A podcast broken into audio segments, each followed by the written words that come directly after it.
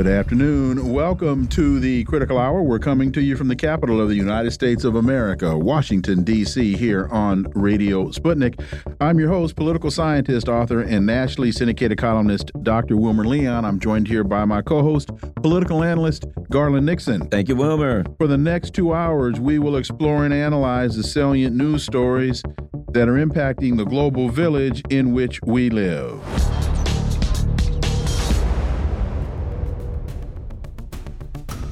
The Libertarian Institute reports anti conscription protests emerge in Ukraine. Women, the women of a village took to the streets to block any potential Ukrainian military officials from entering their town and taking more men off to war. The protest broke out as the Ukrainian government uh, searches for solutions to its dire troop shortage. For insight into this, let's turn to our first guest. He's a Moscow based international relations and security analyst, Mark Sleboda. As always, Mark, welcome back. Dr. Leon Garland, thanks for having me. It's always an honor and a pleasure to be on the critical hour. So it's reported that this today's rally took place in a region of Ukraine that has generally been supportive uh, regarding the war effort after rumors emerged that recruitment officials were committing I'm sorry, coming to the village of Kozmach, several women stood up a roadblock. About 100 women attended the protest. The rally occurred as Kiev is struggling to find enough men to hold off the uh, advancing Russian forces. Zelensky has resisted a plan that would lower the draft age to add 500,000, I guess, so called troops to the Ukrainian military. Mark, Frantz Fanon in his book entitled A Dying Colonialism, said that when women, particularly in a paternalistic um, uh, culture, enter the fight, you've met an enemy you can't defeat. The resistance has permeated the culture, and everyone is now in it to win it. Is this a significant demonstration of resistance, or is more being made of this than there should be? Yeah, um, I think that uh, your French uh, political thinker there should probably meet the ex commander of the neo Nazi Aidar battalion in Ukraine, who on Ukrainian TV suggested that the military should, or the, the brown shirt battalions, uh, should be sent into Kozmach to clear up the problem in the same way as they clear enemy territory. Uh, this uh, was um, uh, the type of rhetoric that was all over Ukrainian TV uh, regarding multiple incidences in Kozmach. Uh, actually, Kozmach uh, in western Ukraine, in the Ivano-Frankovsk region. Um, yeah, you're right. generally, generally speaking, right, banderism, the ideology, the, the, I would say the majority of its uh, neo-Nazi uh, brown shirts come from West Ukraine, but the attitude does not necessarily extend itself to uh, West U- the, the West Ukrainian villages having the entire male population of their village rounded up and sent to die in the trenches in Bakhmut and Rabotino and Avdiivka, which is exactly what's happening. Um, the women are protesting uh, in this village and many others because their men are all gone and they're not able to contact them. And the reality is, is most of them are probably already dead. Uh, and the military recruitment officials still keep coming through. If there are any men left there, they certainly don't dare show their, their faces uh, in public or they'll be press ganged uh, off the street immediately. And we've seen that uh, quite uh, noticeably among small protests uh, across uh, Ukraine over over various issues. It always has to be women because men can't show their faces in public. If a man shows his face at a protest, well, then obviously he's just begging uh, to to be sent to Avdiivka, and and that's the situation. In Kozmach, it um, a, a, lot of these small villages have been targeted more heavily for forced conscription than big cities like Kiev or even Kharkov. And the reason is is because uh, any type of political objection in a village doesn't mean much. Um, uh, in this particular case, uh, with social media and Telegram, it did draw some national attention. And there was not only a, a roadblock, there was uh, several incidences. There was a car uh, supposedly with a spotter, a woman who was serving as a spotter for one of the press gang teams who was there had had her car attacked. Uh, they did some kind of active civil disobedience where uh, uh a few dozen women would just surround the press gangs and prevent them from moving anywhere. And then there was actually brawls. There was actually fights um, uh, that got involved. And this is not the only one. We've actually seen uh, several such videos or, erupt across Ukrainian uh, Telegram and other social media channels. Uh, several, uh, a village outside of Odessa, likewise as well. In this particular case, the men actually joined together uh, uh, the men being targeted for conscription, the men actually stood uh, together uh, and uh, fought back uh, with fisticuffs and drove the press gangs, the conscription press gangs, out of their village. Of course, that won't be the end of it. They'll simply go back in with guns. but this is happening more and more frequently as we hear the Kiev regime suffering noticeable manpower deficiencies on the front line now.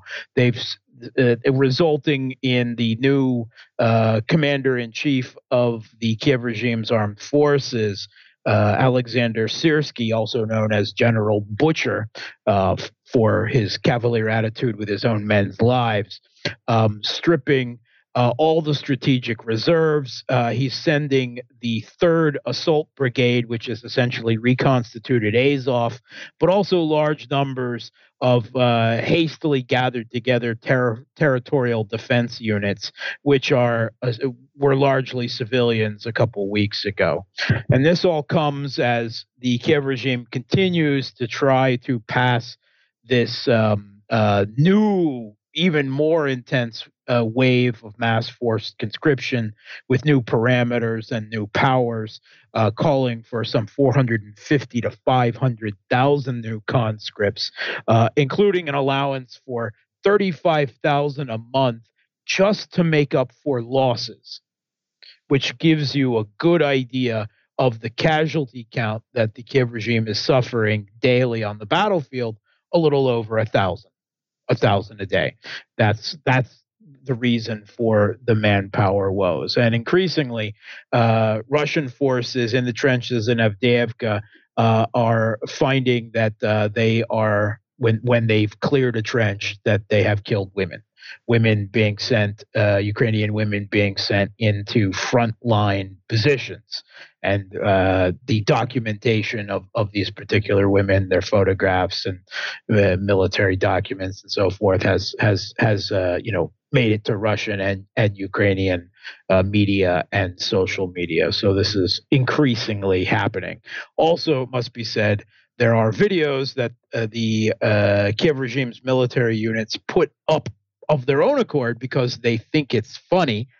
Um, uh, mentally disabled people have also been forcibly conscripted, and uh, it seems that the units that they are sent to often like to harass and humiliate and mock them, and and think it's great sport to then post the videos of them doing so on social media because freedom, democracy, or something. You know, uh, Mark, if I've, I've been uh, reading about some huge missile strike at a training facility in Seladova, it sounds to me like they're not even making it to the front. Yeah. Uh, okay. So uh, Syrsky is rushing everything he can to Avdiivka, where it seems that Zaluzhny uh, was actually in favor of a tactical withdrawal to, uh, from Avdiivka to better defensive positions past a certain point, and and reportedly uh, he had the same I- idea of Bakhmut. Now that uh, Zaluzhny is gone, Syrsky is is considered more of a yes man, and he's sending some 10,000 reinforcements. Uh, but as they're being sent, of course, they are concentrating. Uh, and whenever there's concentrated forces in this combat on either side, they are immediately uh, targeted. And this is what has happened uh, in Sildova, uh, a town uh, on the way to in the Donetsk region on the uh, transit routes uh, to Avdiivka and to the flanks of Avdiivka. Uh, and this uh, was hit uh, overnight uh, with both missiles, missile fire, and with multiple launch rocket systems using. Um, cluster munitions. Uh, Russia has felt that since the U.S. sent cluster munitions to the Kiev regime, that they're perfectly allowed to use cluster munitions them, themselves now, uh, and uh, they reportedly hit. There were some 1,500 to 3,000 uh, forces there. I don't know so much as that they were training as simply assembling. Uh, training usually consists of one or two days worth of the gun gets pointed this way. Here's how you dig a trench with a shovel. Um, they are being um, uh, assembled there, and where they were assembled, they were hit. And the Kiev regime has banned all reporting and mention of any incident in uh, Seladova, which should probably tell us that whatever happened there uh, was pretty significant. Uh, that there may have been hundreds uh, killed and wounded uh, in in that Russian uh, strike against these forces before, as you as you rightly pointed out, even reached the trenches uh, and and fortifications of Avdiivka. You know, when you mentioned that there were psychiatric patients and other uh, of those in, infirmed being sent to the front line, it made me think back uh, on uh, some papers that I read years ago, uh, what was called psych psychiatric genocide, that during the Nazi regime, over it's estimated somewhere between 180 and 200,000 uh, psychiatric patients were killed by the uh, by the Nazi regime. And so, if we now have a Ukrainian army that um, has uh, Nazi proclivities, then it it I'm wondering is it a manpower issue or only a manpower issue, or are they truly going back into the annals of history and uh, dredging up the tactics? This is a way of, uh, again, psychiatric genocide, Mark Sleboda. Yeah, I, I, it, it, it's certainly something that uh, some of the more Banderite far right uh, in Ukraine might consider, but I don't. I don't think that that is generally the situation. Okay, they're just desperate for manpower. Kiev regime military. They're, they're really desperate for manpower. Uh, I I think that is that is the situation, and I mean to to maybe touch home to an American audience about you. Most Americans uh, of a certain age will probably have seen the Vietnam War movie Full Metal Jacket, mm-hmm. and will be well familiar uh, with a uh, certain incident involving someone who had uh, mental disabilities and what putting them in a lethal militarized uh, situation, uh, you know, uh, can result in both, you know, the the harassment being dealt to them and and you know lots of potential danger for for the unit as well. But it, it's uh, not so, a, it's not uh, a stretch for me to connect those dots. It's not a stretch. Okay. I mean, uh, there there are certainly people uh, within the Banderite far right that uh, would be all too willing to go down that path. Uh, they they already do it on an ethnic basis, to do it on a a cleansing of other undesirable elements uh, from society. That would simply be a logical progression if they were given freer rein. Mark Sleboda, as always, thank you so much for your time. Greatly, greatly appreciate that analysis, and we look forward to having you back. Thanks for having me. Folks, you're listening to the Critical Hour on Radio Sputnik. I'm Wilmer Leon. I'm joined here by my co host, Garland Nixon. There's more on the other side. Stay tuned.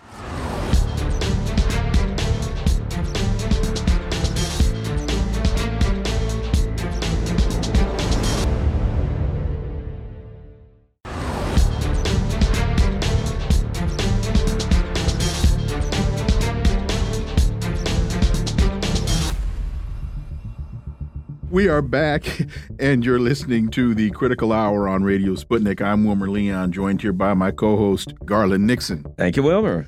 The Washington Post has a piece entitled Rebel Leader Who Ousted Aristide Sets Sights on Haiti's Current Leader. Now, when we read this today, we, first of all, it's the Washington Post, and we had to get our next guest. It, the crisis here keep compounding. Armed gangs have forced more than 300,000 from their homes. The police are outgunned and overmatched. Half the people don't have enough to eat. This Caribbean nation of 11 million has no democratically elected officials. The National Assembly is empty. The presidency is vacant. Again, this is the Washington Post. For insight into this, let's turn to our next guest. She's a professor uh, at the Institute for the Study of Race, Gender, Sexuality, and Social Justice at the University of British Columbia in Vancouver, Canada. She's a member of the uh, Black Alliance for Peace and an editor of the Black Agenda Review segment of the Black Agenda Report. Dr. Jemima Pierre, as always, Dr. Pierre, welcome back. Thanks so much for having me. I want to read, uh, this is a bit of a long read, but uh, again, this is the Washington Post. That's left Ariel Henry, the unelected and deeply reviled prime minister, in charge, appointed by President Jovenel Moise days before Moise's still unsolved assassination in 2021. Henry was due to leave office, uh, I think, tomorrow, but has so far successfully stymied a political transition amid this stew of instability. Haiti faces a new challenge. Guy Philippe, the charismatic rebel leader who in 2004 led the uprising that chased then President Aristide from the country for good, is now joining calls for Henry's ouster.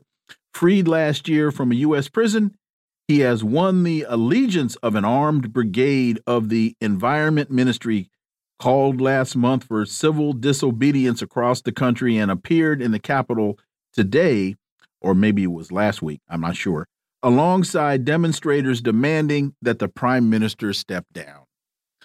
Uh, Dr. Pierre, after you finished laughing, I think, about this narrative, can you please provide some clarity here? And again, this is the Washington Post. Yeah, it's the Washington Post, which is what's fascinating about that article is that it's actually co-written by one of the editors of um, a Haitian um, um, newspaper called AyiboPost, which is funded by the National Endowment for Democracy. So that I, I want to set that up for the very beginning, right? Because this is this is U.S. funded Haitian newspaper um, writing a story for the Washington Post. So that's the first. The second thing is if you go back to, if you go to like an archive of newspaper, you'll see the similar kinds of stories written about Guy Philippe um, from 2000 and from 2000 to 2003. In fact, back in 2003, the Guardian called him a family man uh, and a fan of George W. Bush and described him as having received instruction for French troops and U.S. Secret Service in a military school in Ecuador. So this is the same Guy Philippe that the U.S. used as a, you know, as a way to make it seem like there was a large insurgency against Aristide, when the reality is, is the U.S. Marines that landed in Haiti, along with, you know, hundreds of French and, and Canadian and American troops that forced, that put Aristide on the plane and took him out of the country. The U.S. had been funding Guy Philippe and his band of, of, of, of people from the 2000 and funding them and putting them in the DR, sending them military grade uh, arms and so on and so forth. And they spent the two and a half years prior to the 2004 coup um, attacking from ha- attacking Haiti from bases in the Dominican Republic, killing civilians and government officials and so on and so forth. This is the same guy after he was used to make it seem like there was a popular revolt against Aristide, was then put in prison by the U.S. government for supposed drug trafficking because they wanted to silence him. And then they released him a couple of weeks when Ariel Henry was supposed to step down, right before Ariel, uh, uh, uh, uh, well, a few months before Ariel Henry was supposed to step down. So you have to talk about the collusion of the U.S. media. I think you know with with with U.S. imperialism, but also what the U.S. is trying to do is blur to make it seem like you know, there's there's a craziness happening in Haiti, and once again to make the case for intervention. So Guy Philippe, might some people might call him revolutionary, but people have to remember his history. And I'm not so quick to give him a pass. And I, for all I care, I think he should be tried for treason first and foremost, and then we can go from there. But the way that the Washington Post is writing this, as if that everything that's happened to Haiti has nothing to do with U.S. intervention, Western intervention, the occupation by the core group and the UN is really disingenuous. But that's I, I wouldn't expect anything less from the Washington Post. You know, when I look at it and it says he's traveled to the country to drum up sort for support for revolution, he's railed against Western imperialism, pledged to end gang violence, and I think to myself, well, if that was all who he was, they wouldn't be writing anything positive about him. It seems to me, maybe, and I'm just throwing this out there. It seems to me that like they're trying to pump this guy up as the revolutionary people's leader. And if the Washington Post is trying to do that, I smell CIA everywhere. Your thoughts? Exactly. That's, that's my thought exactly because this is how they pumped him up 20 years ago. And it's fascinating because this is, we're back to almost the exact time. This is February 2004. If you look at, uh, uh, if you do archival research, you'll find all these similar stories about Guy Philippe in the news, in the Western media, making him as the rebel leader. When the reality is, it's actually been the people on the streets protesting nonstop before and after Philippe. And so to, to elevate this guy when people have been protesting for years against U.S. intervention, against this this um, this prime minister that was installed by a tweet from the core group. It's really you have to be very careful about how you read this, and it also points to the fact that the U.S. is moving again, right? Um, they've been trying so hard, and I think it's not sticking. So every week they come up with a different set of stories, a different storyline to make the push for intervention. And so this is the context through which we have to see this. The reason Haiti doesn't have any elected officials is because Haiti has been under occupation since 2004 when they used Guy Philippe as a, as a way to to cause to push for a coup d'état against Aristide. And now we're 20 years later. A result of the coup is the fact that the country has it's, the the state has collapsed. Um, and now we're saying that the thing we need to do is actually more of the same intervention and then um, pushing up this guy that they fund, that they train to me is is is really um, disturbing, and we have to really keep an eye out on it. I, I keep a watch on it. Two things that aren't related, but I, we have you, and I want to get. Can you provide the clarity as you talked about the removal of President Aristide? Can you provide the clarity of where retired General Colin Powell was in that whole story, in that whole operation? And here's the other thing about Guy Philippe, and that is he was a paid U.S. operative in the first coup. And he was arrested by the United States and imprisoned for drug trafficking. He has now been released and is returning to the country as an operative of the United States. So that to me brings up two points. One, where was he incarcerated and what kind of incarceration did he serve? Because the U.S. must have been taking care of him during that time, or else he's just a total fool and an idiot to buy into the United States uh, retirement package again to go back to Haiti and operate on behalf of the United States. So, could you speak to Colin Powell and and the role that he played in the removal of President Aristide? And then, am I wrong to say that Guy Philippe has always been an operative, even when he was imprisoned, or he's a total idiot to buy into the package again? Yeah, well, Colin Powell was, you know, this, this happened under the the watch of George W. Bush, mm -hmm. and um, and people don't know this, but well, you must see your readers must know, uh, your listeners must know this because you know there was the Ottawa Initiative on Haiti, which happened January 31st to February 1st, 2003, um, where the Liberal Canadian administration met with a bunch of other um, Western governors, um, including, uh, you know, the Secretary of State of Canada, Latin America, the French Corporation, um, Minister for Corporation, two high-ranking officials sent by Colin Powell um, to this meeting where they planned this coup d'état that would happen exactly a year later, right? So we have to think, you know, Colin Powell was very much you know, Secretary of State. It played the similar role that uh, Hillary Clinton played um, in terms of like dealing with Haiti and, and, and messing with Haiti. So Colin Powell was behind this. And if you look at the news media, Colin Powell was bad mouthing and pushing for intervention and coup d'etat in Haiti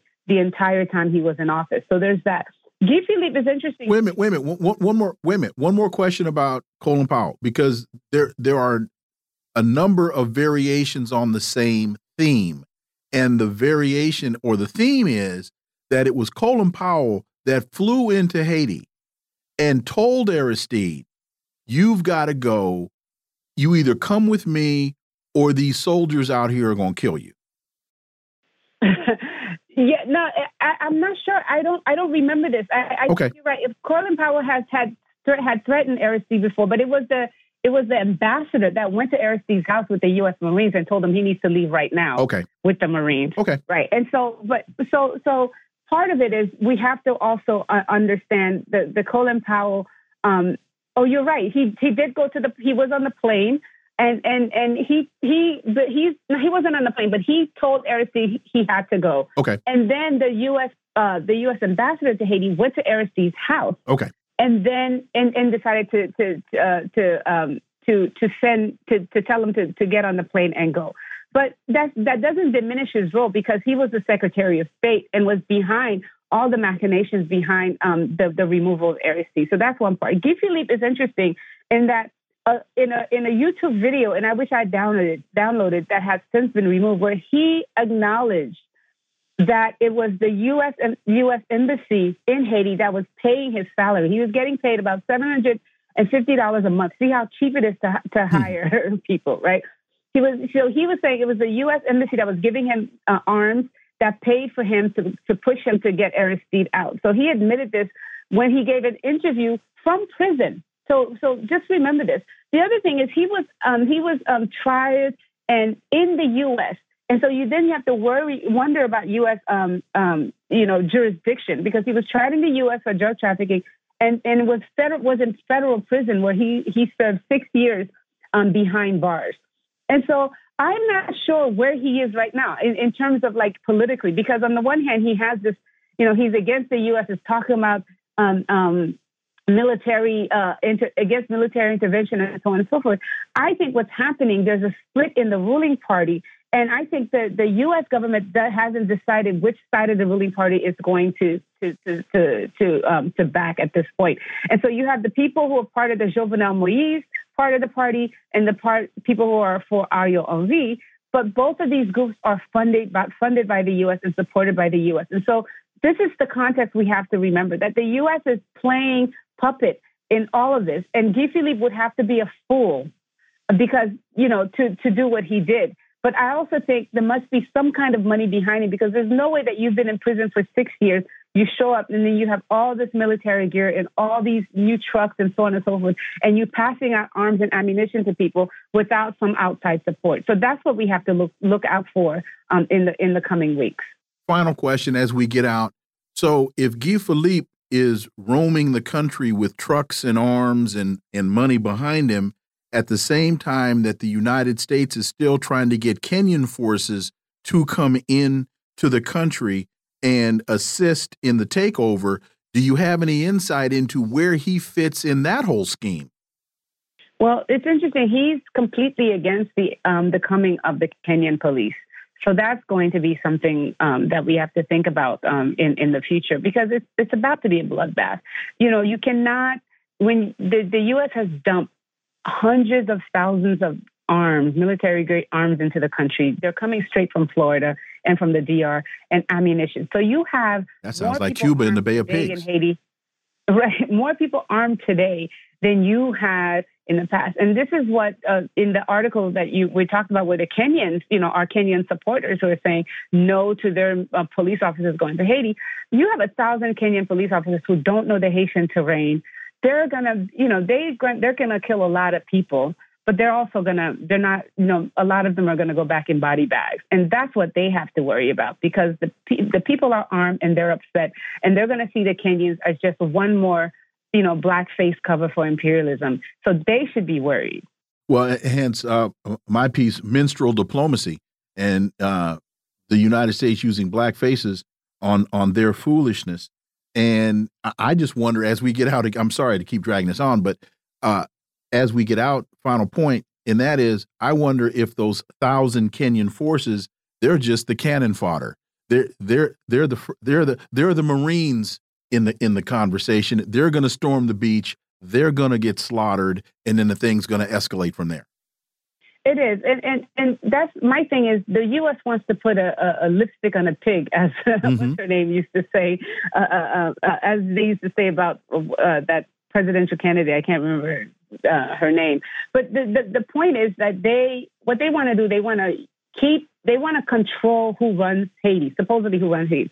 So they're going to say we're going to do elections, but to have elections, we need um, security. You cannot have security when you've distributed arms all over the country and you bring in a thousand Kenyans and 150, you know, Bahamians and 150 Jamaicans, who Jamaica actually has a larger crime problem than Haiti does Correct. at this point, you know. So that's the other question point. And so these people are they're the black faces. It's like the Europeans who use black and brown soldiers in World War One and World War Two to be fodder you know, to fight against their enemies. And this is exactly what's going to happen now. They're going to use this, going to create a bloodbath, and then they're going to say, well, we definitely need a larger intervention force. But what they're what they're doing is not putting their own soldiers at risk, which is what they used to do in the past. So they're just, you know, Kenyans are the Kenyan government is a fool, and Kenyans think they're going to get, you know, there there's a I watch I'm I watched a show on Kenya in Kenyan TV where they're saying, "Oh, you know, Haiti has all these minerals, gold and iridium, and Kenya should will be having access to some of these things." Apparently, they're being they've been promised all kinds of things by the U.S. government to come and do this dirty job, dirty work. They need to actually move um, with with caution because they don't know what they're coming into. Dr. Jemima Pierre, as always, thank you so much for your time. Greatly, greatly appreciate that analysis, and we look forward to having you back. Thank you so much for having me. Folks, you're listening to the Critical Hour on Radio Sputnik. I'm Wilmer Leon. I'm joined here by my co host, Garland Nixon. There's more on the other side. Stay tuned.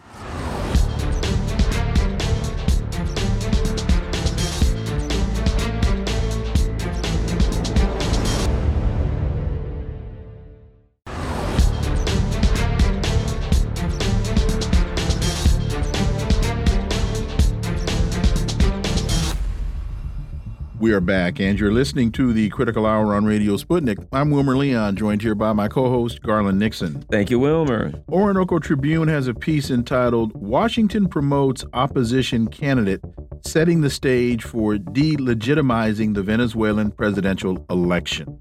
The Venezuelan government of President Maduro has successfully forced the U.S. to de facto engage with it, although Washington still maintains the fiction that the defunct 2015 National Assembly is the, quote, last remaining democratic institution, end quote, there. What does this mean for the upcoming election? For insight, let's turn to our next guest. He's an independent journalist, political analyst, and reporter for RT, Caleb Maupin. As always, Caleb, welcome back. Sure. Glad to be here as always. So it's uh, it's been reported that the U.S. has been relegated to vetting candidates for the upcoming Venezuelan presidential election, while still egregiously interventionist. The imperial power has failed to achieve outright regime change. The appearance of Venezuelan opposition politician Maria Corina Machado before a U.S. congressional committee is the latest in the empire's quest for a trustworthy Confederate hopes are high among Republicans that she is the right collaborator. The Democrats may have another, but completely, uh, I'm sorry, complementary game plan. So basically, Caleb, uh, is Maria Corina Machado uh, Juan Guaido in drag? Well, the United States has considered Venezuela to be undemocratic from the moment that Hugo Chavez won the elections and took office in 1999. Uh, and it was blatantly spelled out in the Wall Street Journal in an article by a prim- prominent high ranking academic that uh, they consider it to stop being a democracy if they lose. Uh, they call it democratic regression. If a population votes for a leader who changes society, uh, who changes the way the economy operates, who changes the way the police and the military operate, uh, they call this tampering with independent institutions. uh, they then declare it to be a dictatorship. And the Carter Center monitored many elections in Venezuela and certified that they did, in fact, you know, legitimately represent the will of the population. But it didn't matter. U.S. mainstream media and U.S. government officials insisted that Venezuela was a dictatorship. Uh, then, in the aftermath of the death of Hugo Chavez, we saw a huge escalation of trying to destabilize Venezuela on the part of the United States with La Salida, uh, a social media campaign, all kinds of efforts to destabilize Venezuela, a ramping up of the sanctions that made it very difficult for basic consumer goods to get into the country. Um, and at that point, the USA uh, still tried to insist Venezuela was not democratic. There have been numerous attempts to violently overthrow the government. There have been people who've, you know, attempted to bomb the Supreme Court, who've been declared heroes in American media. Uh, the USA has no respect for the democratic rights of the Venezuelan people. This just looks like the latest maneuver. Uh, but when it gets down to it, uh, they do not really care what the average Venezuelan thinks or what the Venezuelan public thinks.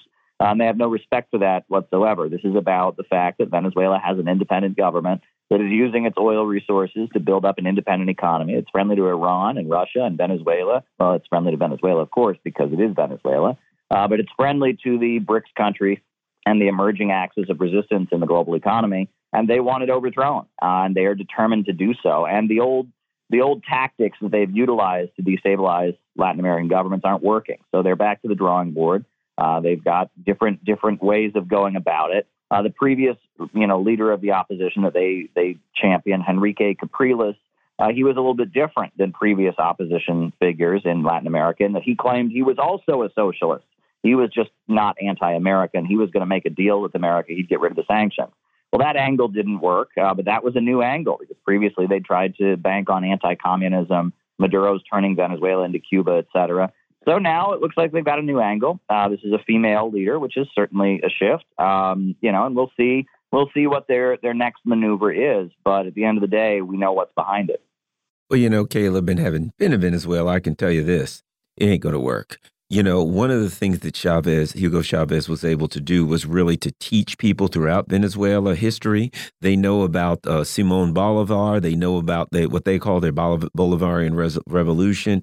And when you talk to the people in Venezuela, you find that the revolutionary spirit is in every last you know person there so it's so individualized that i don't see how you can take over a country when the people in the villages everywhere say no we will defend our democracy your thoughts? Well, and before you respond to that, Caleb, you're you're laying out that description, Garland. That takes me back to People's War, People's Army, uh, General Giap in Vietnam, and how he had to teach the villagers the the ideology, and then once they bought into the ideology, oh, that's a no-win situation.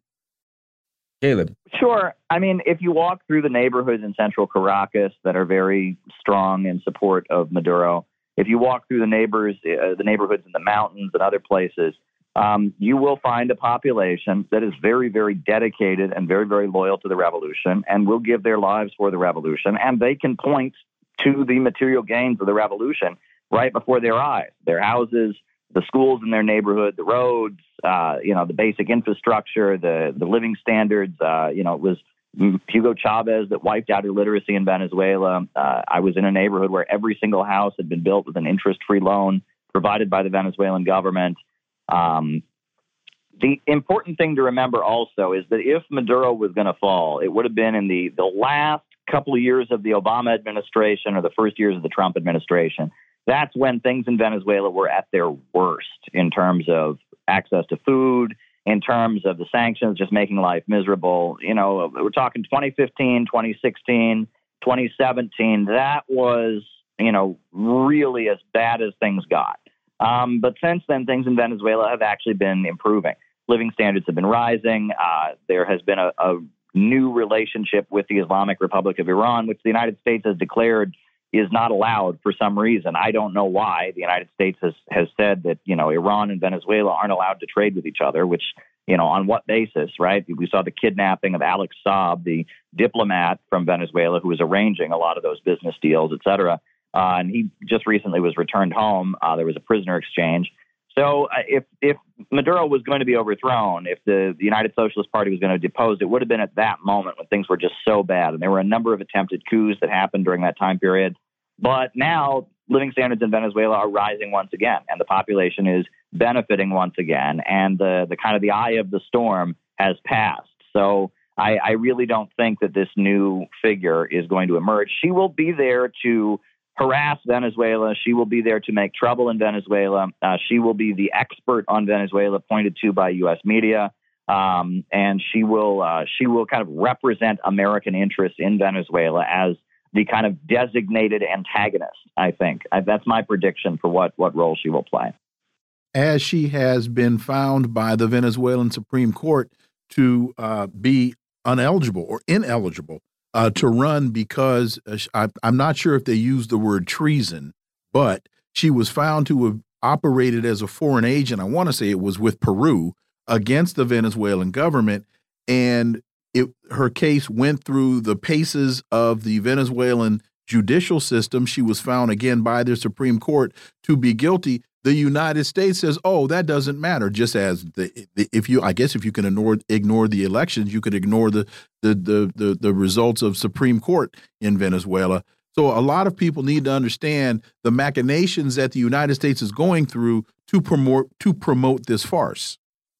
Well, actually, that that probably makes her the perfect one for the job because if the USA were to pick somebody who could run in the elections, they could run and lose, and then they wouldn't be able to discredit the elections. So they're they're playing from the Navalny playbook, and they're playing from the the playbook in in Nicaragua that we've seen, uh, where they pick people that they know will be disqualified, that are just uh, not constitutionally eligible to be president, so that they can declare any election that happens to be illegitimate because their candidate didn't run. The last thing that they would want is for there to be an election that was internationally observed in which which the pro U.S. candidate ran and just legitimately lost, right? Uh, and so picking somebody who's ineligible is part of the propaganda strategy, right? They have to be able to discredit any election that takes place. So they want to make sure that that nobody uh, who you know who could actually legally participate and just not get a popular mandate uh, can be the one that they pick. They they specifically go out of their way to pick people uh, that will not be allowed to run so they can discredit the elections. Caleb Maupin, as always, thank you so much for your time. Greatly, greatly appreciate that analysis. We look forward to having you back.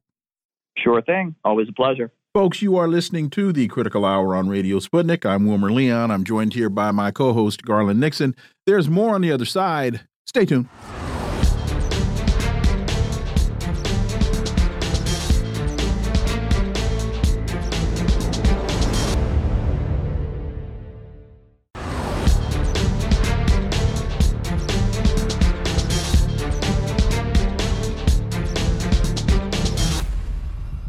We are back, and you're listening to the Critical Hour on Radio Sputnik. I'm Wilmer Leon, joined here by my co host, Garland Nixon. Thank you, Wilmer. Portside.org has a piece Israeli settlements stand in the way of peace. Biden can defund them all. If President Biden is serious about recognizing Palestinian statehood, he has powerful tools to pressure Israel in that direction. Defunding the settlements would be a great first step. For insight into this, let's turn to our next guest. She is a professor in the Department of Political Studies and director of the Geopolitical Economy Research Group at the University of Manitoba, Winnipeg, Canada. She's the author of numerous books. Dr. Radhika Desai, as always, welcome back. Thanks for having me, Wilmer. Hello, Garland. So, this is a, a bit of a long read, but I, I think it sets the stage quite clearly. Uh, Israel and its settlement enterprise are getting a crash course in coercive diplomacy. In the first few hours of the days after the Biden administration announced it was placing financial sanctions on four extremist Israeli settlers, there was a bit of confusion in Israel about what it all meant. Demonstrating the absurdity of the moment, Israeli Finance Minister Smotrich told fellow parliamentarians that, quote, it is not possible for an Israeli citizen with Israeli money in an Israeli bank to be deprived of rights and assets due to an American order, end quote. Within a day, one of the sanctioned settlers, a violent extremist named Yinon Levi, who the Biden administration said was involved in forcing Palestinian communities off their land, had his personal and business accounts frozen by Israeli's bank Leumi. A state owned bank followed suit and froze the account of a second settler. Basically, the banks understood something that Israeli finance minister didn't.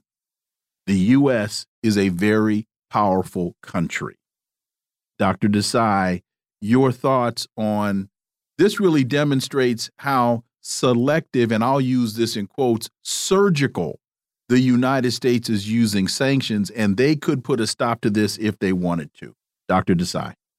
Well, actually, I would say, first of all, as far as the Israeli finance minister is concerned, I just like to say, you know what? You learn something new every day, right? So, in this case, what he's learned is that the United States has been using its long arm jurisdiction, its extraterritorial jurisdiction. And it, it, this is an ironic phrase. It doesn't really have this, mm-hmm. but it uses uh, a certain type of power that it possesses.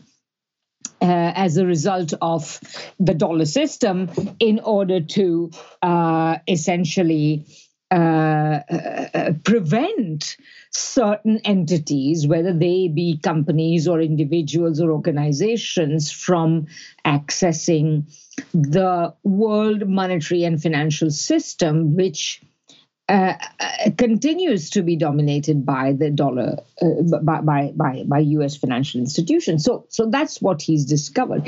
But having said that, I mean there are so many things that you said. So I'm just going to try and respond to them as well as I can. But if I miss any, do come back. So first of all, I'd like to point out that of course the U.S. resort to sanctions may succeed. You know, and they and often they succeed because companies that and, and uh, financial institutions that um, they, they, they, they're just afraid of falling foul of them. So they, what's the word for it is over compliance. They over comply. So even if something may not be actually uh, sanctioned, they just you know, if it smells even from the faintest smell of sanctions, they will stay away from it. So that's what these settlers have come for. But the fact of the matter is that to use um, uh, Uh, words like surgical makes it sound as though the United States is in such supreme power and is capable of sort of, you know, using the financial scalpel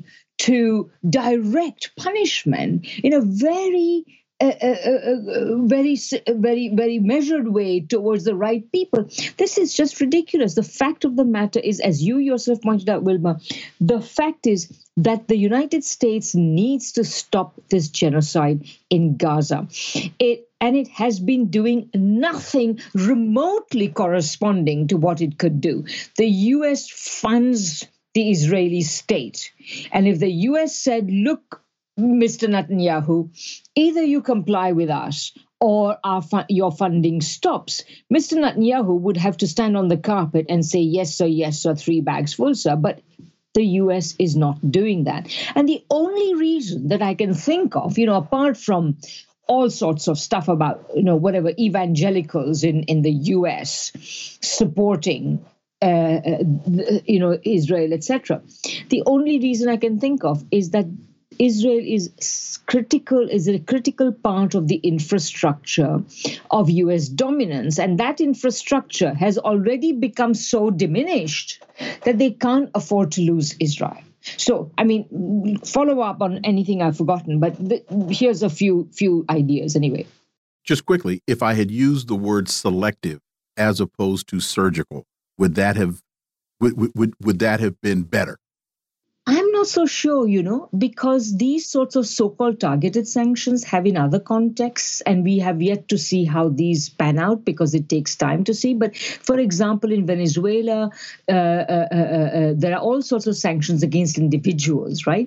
But actually, that hampers the ability of the entire system to use uh, uh, to use in what are should be considered. The U.S. claims that it's providing the world with a public service, then it can't weaponize that public service office, and that's what it's doing. So the the the the, the, the imposition of so-called selective sanctions have been, on the one hand, sometimes quite consequential, and on the other hand, simply symbolic. And in this case, it seems as though the U.S. is basically imposing these sanctions in lieu of what it ought to really be doing, which is stopping the funding to Israel sufficiently so that it hurts and Israel stops raining genocide on Gaza. And of course, uh, further repression on the West Bank. Which takes us into a, a, another interesting article where Syed Nasrallah, he's the head of Hezbollah, uh, it gave another speech. And here's a particular passage that I found interesting. He said, In light of what is happening in Gaza, the national interest of the countries of the region comes even before the Palestinian interest, which is for Israel to be defeated, which to me shows me that this is, I'll put it like this, not, you could call it a regional or you could call it a civilizational war or conflict, whatever you want to, but it shows me that the resistance people clearly see this as a regional slash civilizational conflict rather than simply the Palestinians, the Israelis, etc. Your thoughts? Well, you know, historically, I mean, so first of all, I would say that Mr. Nasrallah's analysis is quite right. Because if you look at it historically, what the United States has wanted from the various Arab countries and uh, of the region, um, and for, for that matter, originally from Iran, is to simply kowtow and do the bidding of the United States, which means supply the oil um, and otherwise, you know, just shut up and put up with whatever the US does. And and uh, I would say that. Um, the, the, the, this this uh, uh, uh, is increasingly an un, unsatisfactory state of affairs for many of the countries of the region, particularly Israel, but sorry, particularly Iran, but lately, of course, also many other countries, including Saudi Arabia, which is in many ways the most powerful of them all, which have begun to realize that simply allying uh, in a subservient way to the United States does not serve its purposes. Moreover, and there's one other thing when Mr. Nasrallah says that the national interest of these countries of the region uh, is is is is um, is to see Israel in a weakened position or in a defeated position, particularly from its present exceedingly right wing format, I would say that that makes sense because the fact is that the uh, uh the the uh, for for the vast majority of the people of these regions, the Geno- the, the, the, punishment, the genocide that is imposed on the Palestinians is a slur. It's, it's, it's, it's, it's a slap in the face of the Arab peoples in general. And that's why the Arab street has historically been so much in favor of Palestine. And none of these regimes can ignore that, no matter how authoritarian they are.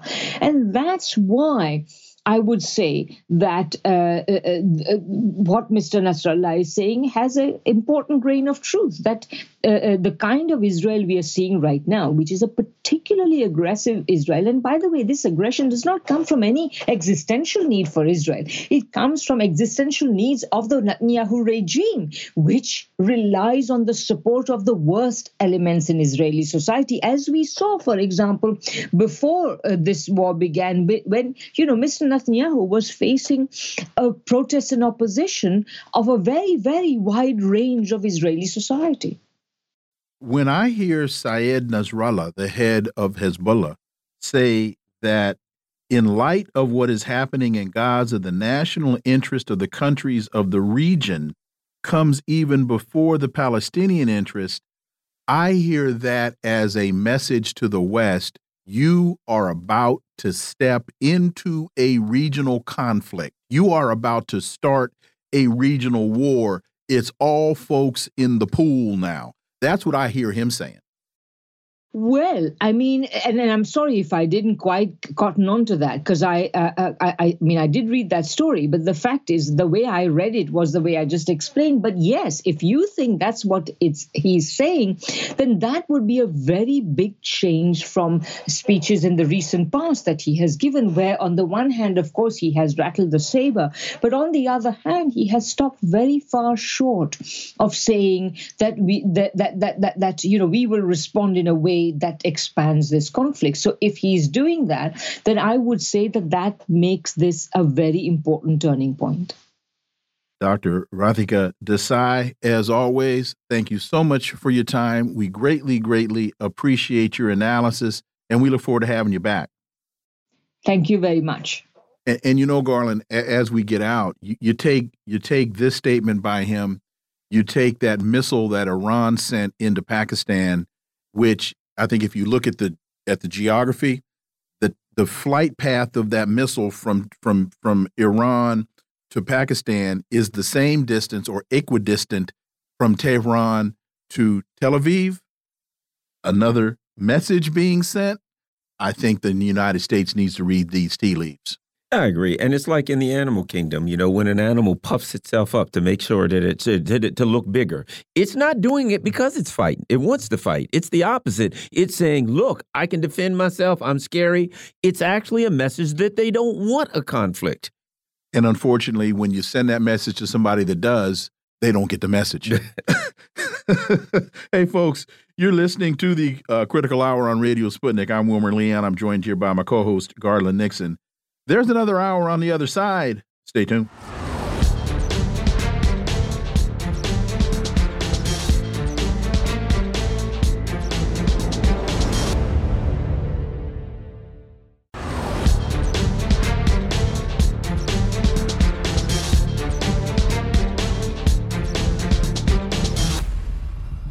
We are back, and you're listening to the Critical Hour on Radio Sputnik. I'm Wilmer Leon, joined here by my co host, Garland Nixon. Thank you, Wilmer. According to the headline in The Telegraph, Kamala Harris says she is ready to lead. And let me do that again. Quote, ready to lead, end quote, despite polling at a record low. She's now, then the story goes on to say, she said She's ready to serve amid growing questions over the age and health of Joe Biden ahead of the 2024 presidential election. What do we make of this?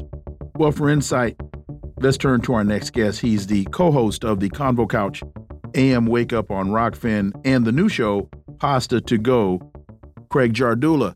As always, Pasta, welcome back. Ah, gentlemen, thanks for having me on. And I'm sorry about your Niners. Uh, well, you you weren't. That wasn't your Niners. That was the soon-to-be presidential candidate at the DNC convention, Gavin Newsom's team, uh, that we've been talking about for quite some time, and that still will be the choice if I'm a betting man, and I believe that. Well, I'll just say to all of that, go Niners, and then you all can take that anywhere you want to. So there are a couple of couple of things here, Craig. One so the story continues. The vice president, who's 59, insisted she would be ready to step into the 81 year old president's shoes should the need arise. Quote, I'm ready to serve. There's no question about that, she told the Wall Street Journal in an interview. Craig, when when the when the headline is she says she's ready to lead, but then her own words are, I'm ready to serve those are two, to me, those are two different statements. I'm ready to leave. To lead means I'm ready to step in and be president. Ready to serve to me means I'll do what you all need me to do. A am I making more of this than there should be? I don't think so. Right? You know, I I just posted up on my uh, Twitter on the new Pasta to Go show Twitter, and that's at Pasta to Go, the number two a question I asked Kamala Harris about five years ago, a little bit less than five years ago, when I had a chance at the DNC convention in Long Beach, uh, and I asked her if you know she still stood by her stance that Donald Trump's Twitter should be taken down, despite some of us free speech absolutists and people who believe in civil liberties. And she stuck her to her same narrative that yeah, they should be taken down citing that Twitter was a private company at the time. And this is before Donald Trump got banned from Twitter um, and before Elon Musk had took over. Uh, I think, you know, she's making it clear that she's ready to serve. That means do what she's got to do, but not necessarily ready to lead. And that leads a lot to the narrative they're trying to keep going over here. This red team versus blue team, this Donald Trump from versus Joe Biden, or maybe Kamala Harris uh, narrative they're trying to get going, meaning that she doesn't have to serve the people. She just has to serve her party and her donors. Uh, and saying that in a way which gives the, those Democrats, those blue, no matter who people, their confirmation bias that they need. Because that's what this is all about, doctors, keeping people in that team sports mentality, you know? And uh, they're going to do that no matter what. And it, it is crazy to me uh, that they're trying to keep the narrative on Kamala Harris because I think they're trying to do what we've been talking about, uh, both you and Garland and myself, uh, Dr. Wilmer, is that keep as much attention away from those they want to put in place, maybe a Gavin Newsom, maybe a Pete Buttigieg. Keep the eyes on Joe Biden and his declining mental state, and Kamala Harris, who says she's ready to lead or serve, and then slip in who they want to slip in at the convention. You know, it, again, I, I hope I'm not making more of this than there is. But when the headline says, Kamala Harris says, I'm ready to lead, and in the context of all that is now starting to spin around, where various high ranking Democrat officials are saying, Joe, it's time to go, that's a very, that's a more ominous statement than I'm ready to lead. The analogy I'll draw is if I say uh, in, in, in, in a room, I'm ready to go to dinner, then the interpretation there is I'm expecting somebody in here to take me to dinner. If I say I'm hungry, I might be looking for somebody to bring me a sandwich. Those are those are it, it, it, that may be silly, but but am I right? You're absolutely right. You you are 100 percent right, uh, and I still think it's all about doing uh, what we talked about. Listen, this is the height right now of mainstream media divisiveness. The, the government, uh, red team versus blue team. No matter what, they want to make sure the people are pitted against each other. And that's why she can say, well, you're not leading on these issues. Well, I never said I was ready to lead. I said I was ready to, to serve or I was ready mm-hmm. to, to, do what you needed me to do, right? She has a way out uh, uh, of getting cornered at any single time. But it's still really, at the end of the day, this is all about keeping the people divided and at each other's throats. And uh, I, I, don't, I don't think we're going to have to worry about Kamala Harris taking the reins, anyways. I don't think she's capable of. Remember, this is a woman who didn't win a single delegate in her own state, Correct. where she was a senator of in California, and uh, it's just a, uh, it's just a bunch of uh, malarkey, as Joe would say right now, and distraction uh, theater, and that's what they're trying to do. Well, and here's the thing: I think she said what she was told to say. I, I don't see her as the person who you know conjures up a scheme that I'm going to do this or act She's in this. Not way. Hillary Clinton. No, I see her as a person who the machine says, "Come here, Kamala. Here's what you say. Say this, this, this," and she says yes. I also think it's getting kind of obvious to them that they don't have a prayer of winning. And so one of the moves they can do is they say, here's what we're going to do. We're going to go Kamala with Pete Buttigieg as the VP. Then we get crushed and then we say it's like Hollywood. Mm-hmm. Hollywood puts out like a movie with like all women superheroes who are, you know, whatever, right? And then it's like let's uh, let's say people don't go see the movie and then they hate on the fans and say you're all a bunch of sexist, right? So what they do is they put her and Pete out. And then when they get smeared, they say, well, of course, because America's a bunch of sexist uh, homophobes. There you go. Basta. Yes, I think it's all been talked about, uh, Garland. I think this has all been talked about. It's all been planned. You know, in that article we were reading about, when it, it, it was saying that there was no discussions yet to replace Joe Biden. Bullstein, Bullstein. They've been having many conversations about the DNC insiders and those who pull the levers of power. They've been talking about it down to a T. So they've been doing this. But you're absolutely right.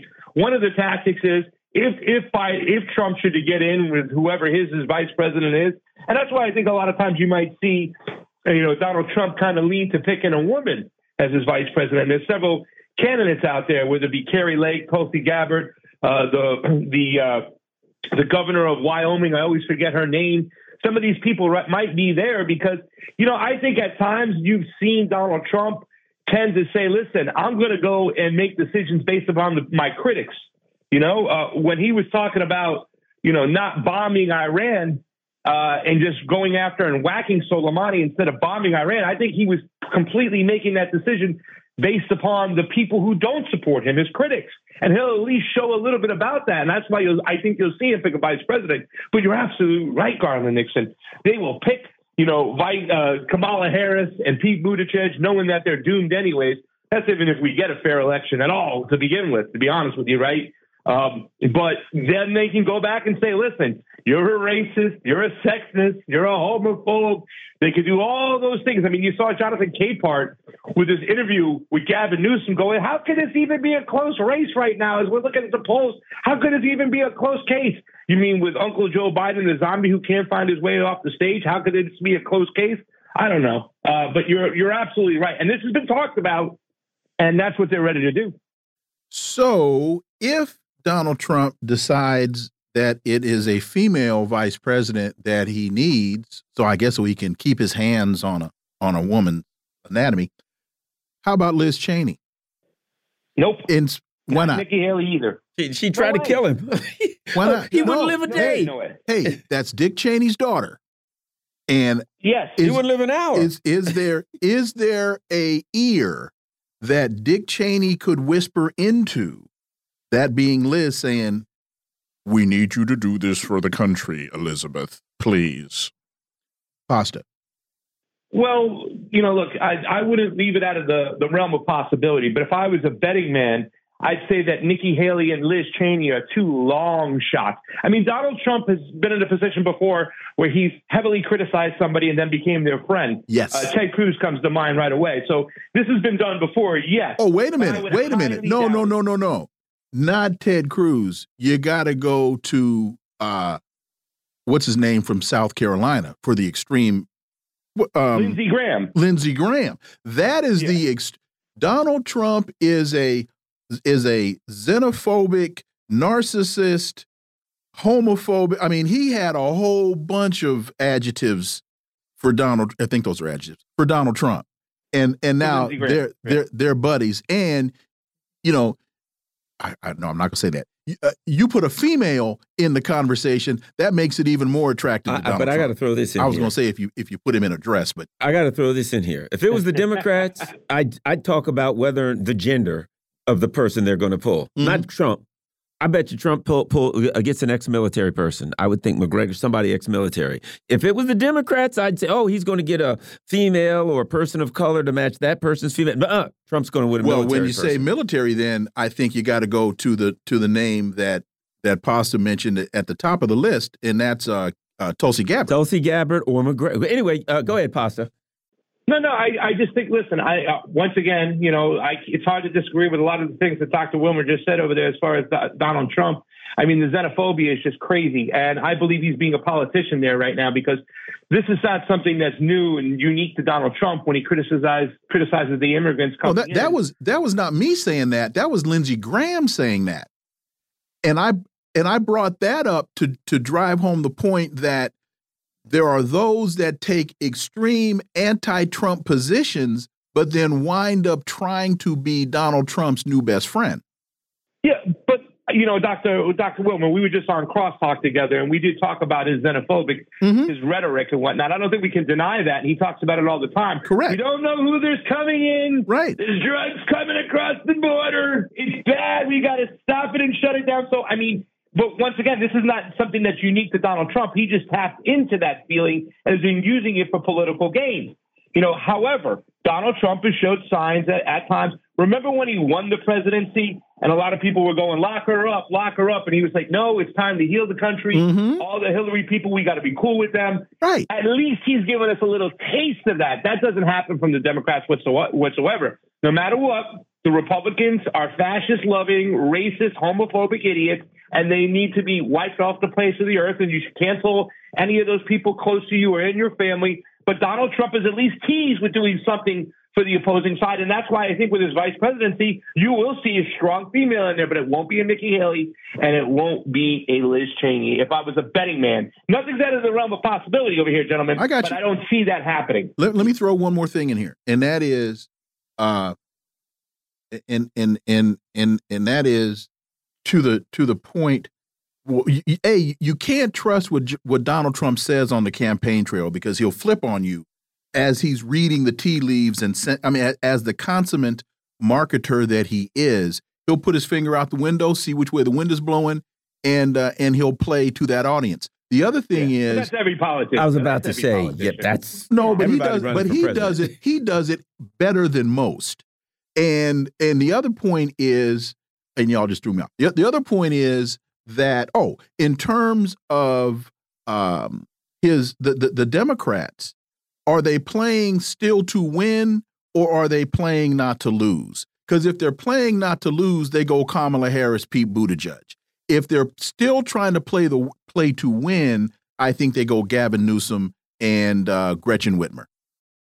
Well, you, then you're gonna you're gonna have to answer that question. Then what happened in 2020?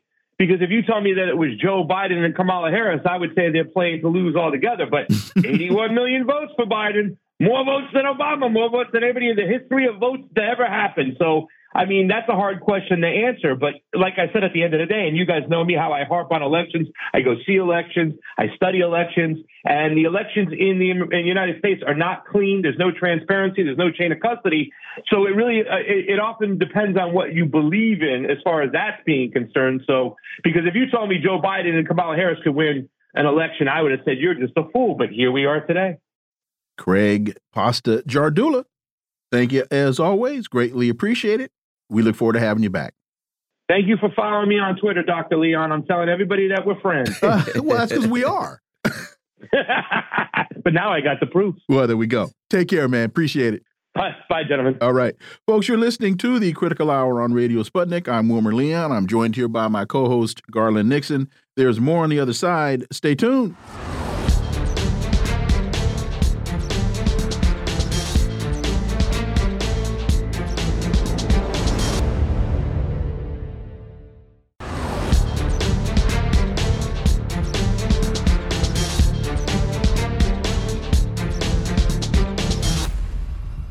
We are back, and you're listening to the Critical Hour on Radio Sputnik. I'm Wilmer Leon, joined here by my co host, Garland Nixon. Thank you, Wilmer.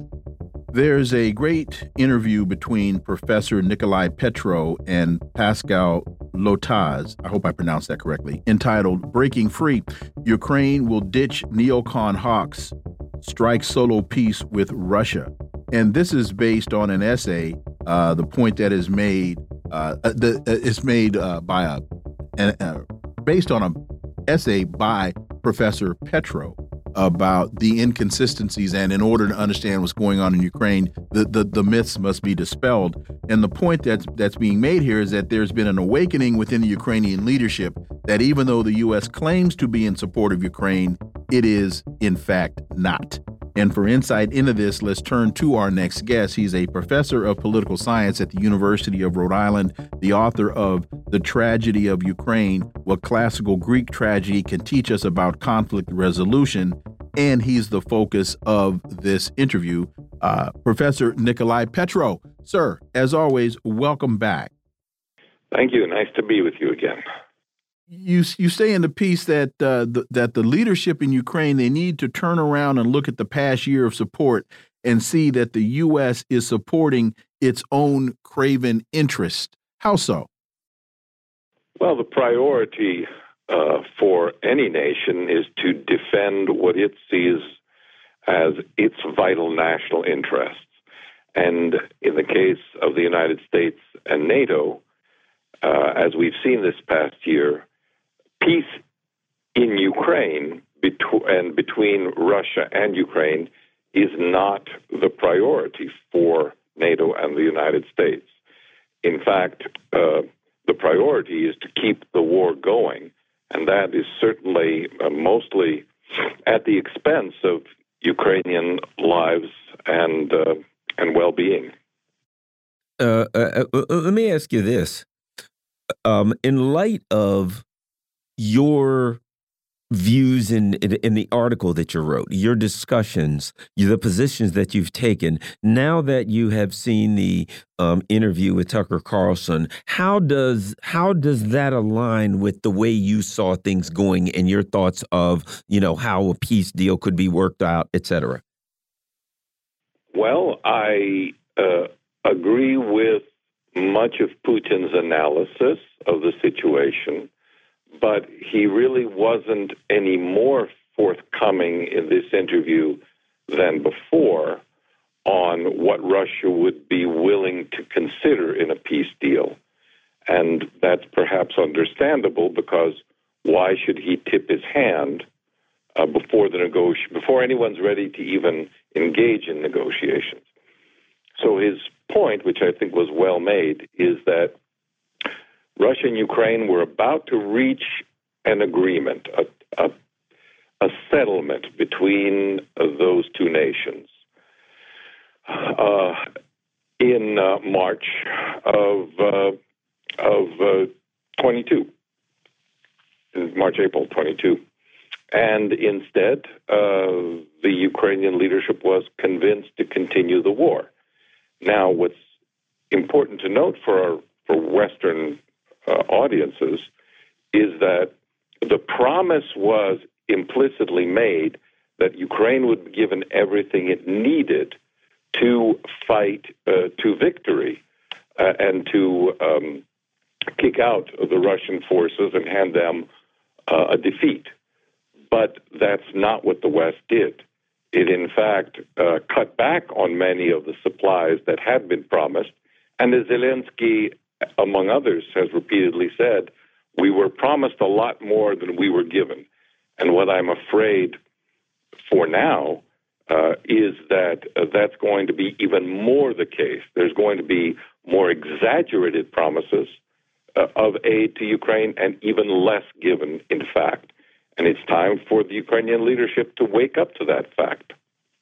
You know, you, you made the point why should President Putin tip his hand? And I would say, especially in a in a current circumstance where the entity that he would be negotiating with, that be the United States, really can't be trusted. I mean, we can go all the way back to Secretary of State Baker making the statement and, and other uh, uh, NATO allies uh, making the statement that NATO would not move any first, further eastward uh, towards towards Russia if Gorbachev agreed uh, to allow the reunification of Germany.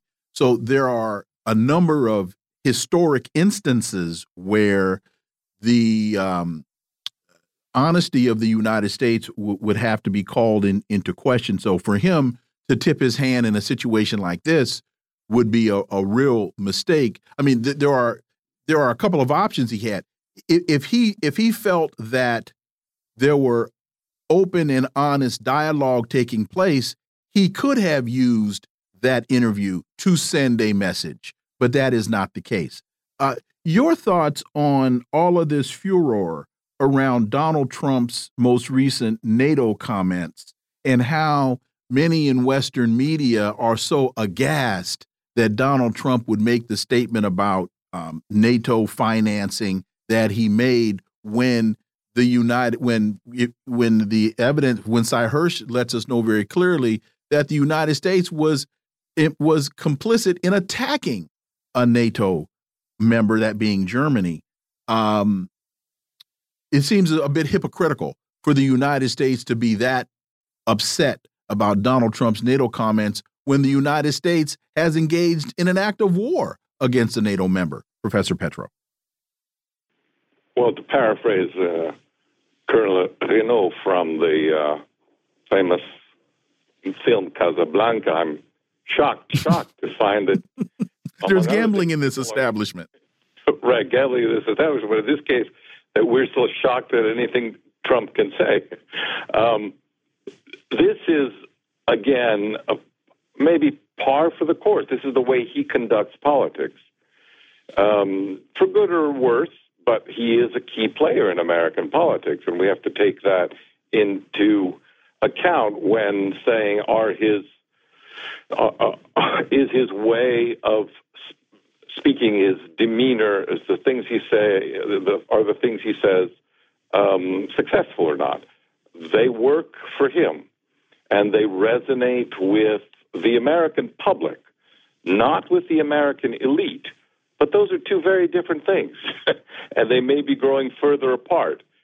So we'll see if uh, you know what what comes of it all. But but, but, but my question say, my question wasn't so much about Trump's comments as the Western media's response to them.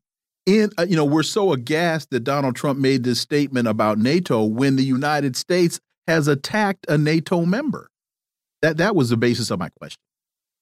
And there's, if you go back historically, NATO has uh, even had plans with respect to Italy. Uh, should the Italian communists come to power to undermine that government and, if necessary, to seize control of key security installations in that country. This was in the 1970s, and it was known as Operation Gladio. Mm-hmm. And this was revealed to us by former Italian Prime Minister Giulio Andreotti. So, uh, again, um, I'm not surprised. Anyone looking at uh, the situation would would not, I think, be mm, aghast at that. So, uh, the, the point being that I think Donald Trump, I, I'm not convinced that he can do what he sets out to do. Mm-hmm. I'm. I still think that should he become president, I uh, suspect that there will be the blob will still be there. The blob will be arrayed against him, and we will have a replay of uh, his first presidency. He will be a little bit more prepared, and there are. I've read some uh, commentary recently that he uh, has people in place. He has advisors now who will allow him to get around some of the obstacles that were thrown uh, up against him in his first presidency. On the other hand, the blob uh, has a successful track record of having stymied Trump before, and they they too will have more experience. So if Trump uh, were to uh, become the country's next president, I think we will have a reenactment of his first presidency and uh, a gridlock in government in spades.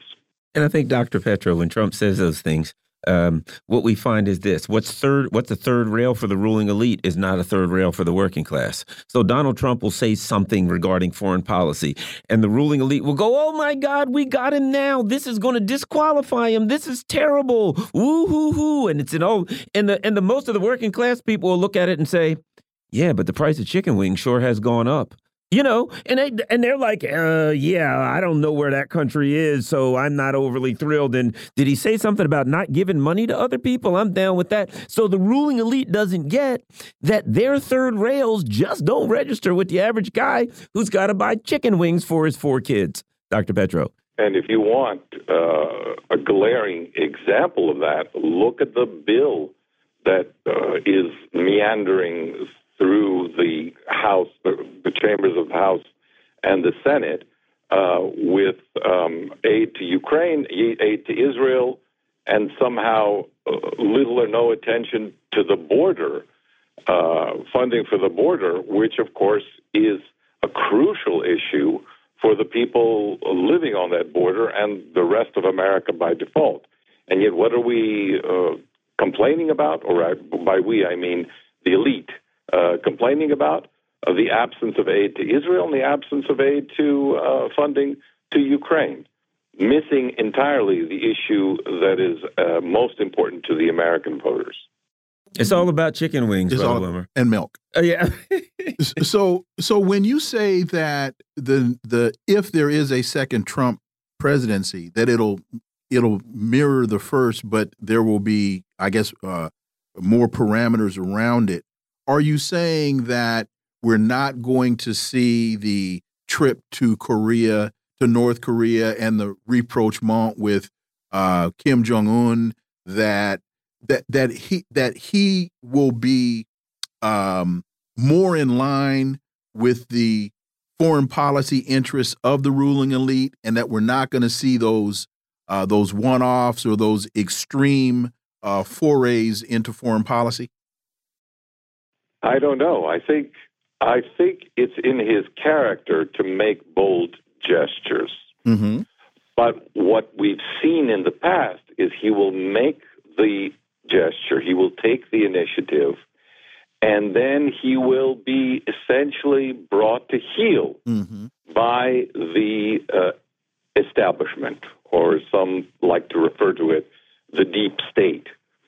And uh, I'm not sure what has changed or could change in that relationship.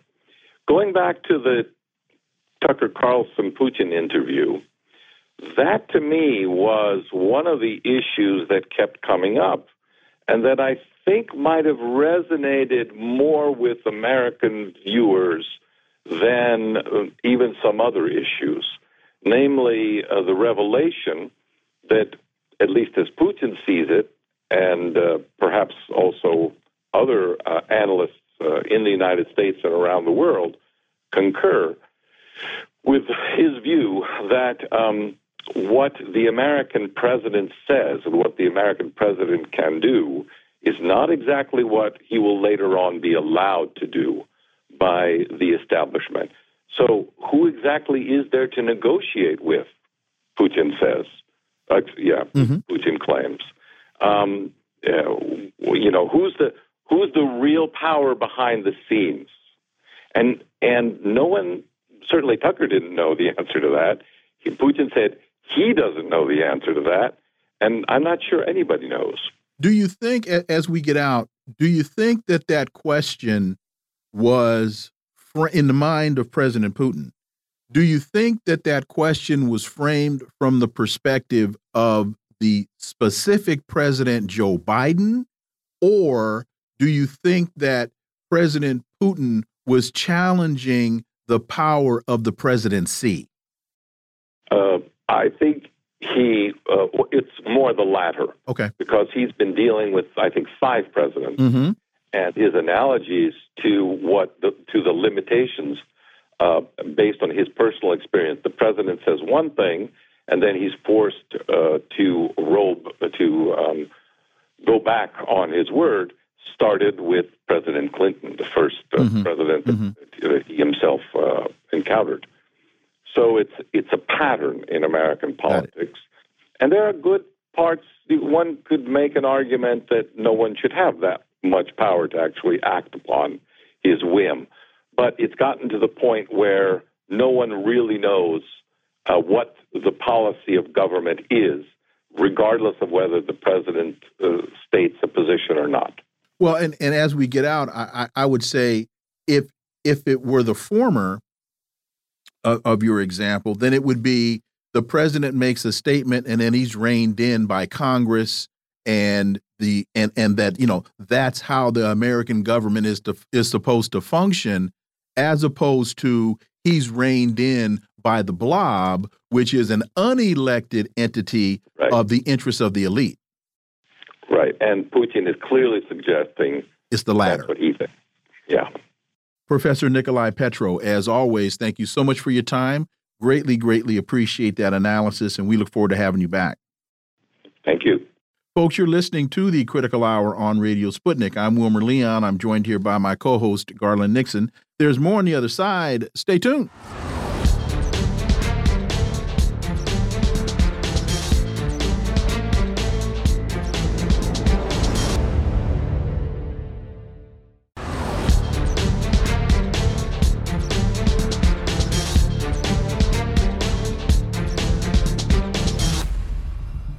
We are back, and you're listening to the Critical Hour on Radio Sputnik. I'm Wilmer Leon, joined here by my co host, Garland Nixon. Thank you, Wilmer. Sputnik International reports industrial megapower Germany on edge of ruin thanks to energy war against Russia.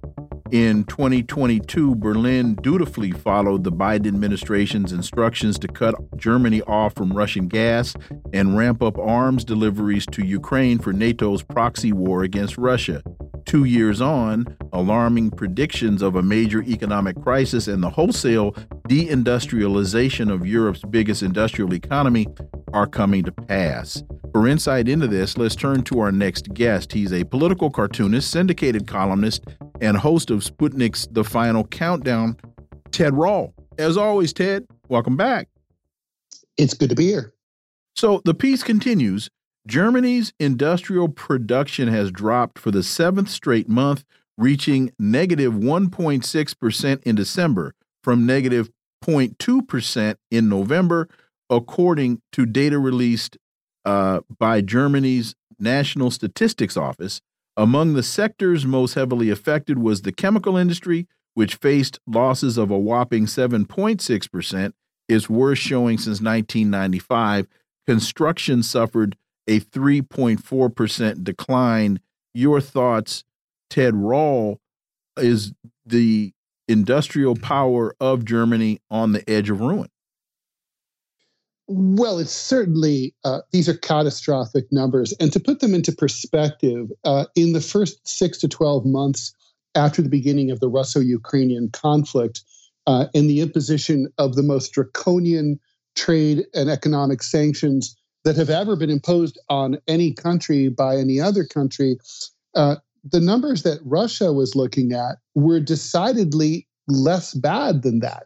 They were far, they were relatively mild in some, and basically those have since completely turned around, and uh, they're looking at you know fairly robust growth, and and things are looking pretty good.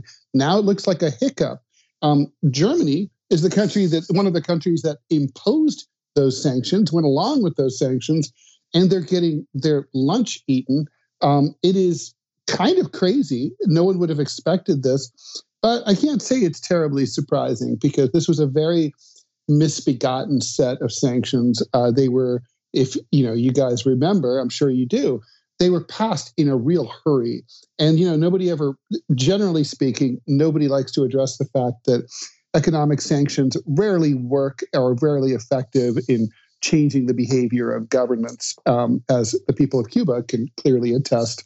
Uh, and the and then also uh, when they are well they're not effective but the thing is the effects that do happen often are counterproductive and again see cuba like the Amer- the inability of americans and american companies to invest in a place that quite naturally is only 90 miles away from the united states and therefore you know we sh- should be full of us tourist related businesses and so on the way they were before the revolution so uh, it's all to say the the Germans joined at taking a swing at Russia. They missed, and they ended up punching themselves in the face. Let's take another uh, perspective also here. You know, I recently watched a video of Hillary Clinton and I believe I know I saw Condoleezza Rice like in 2016, and they were talking about how basically uh, Europe better get ready to become free of Russian energy. Basically, prior to this, they were saying we're cutting we're cutting uh, Europe off from Russian energy. I have read things where they discussed the the need to do that was so they could continue to control Europe. So here's the way I see it: what an accident.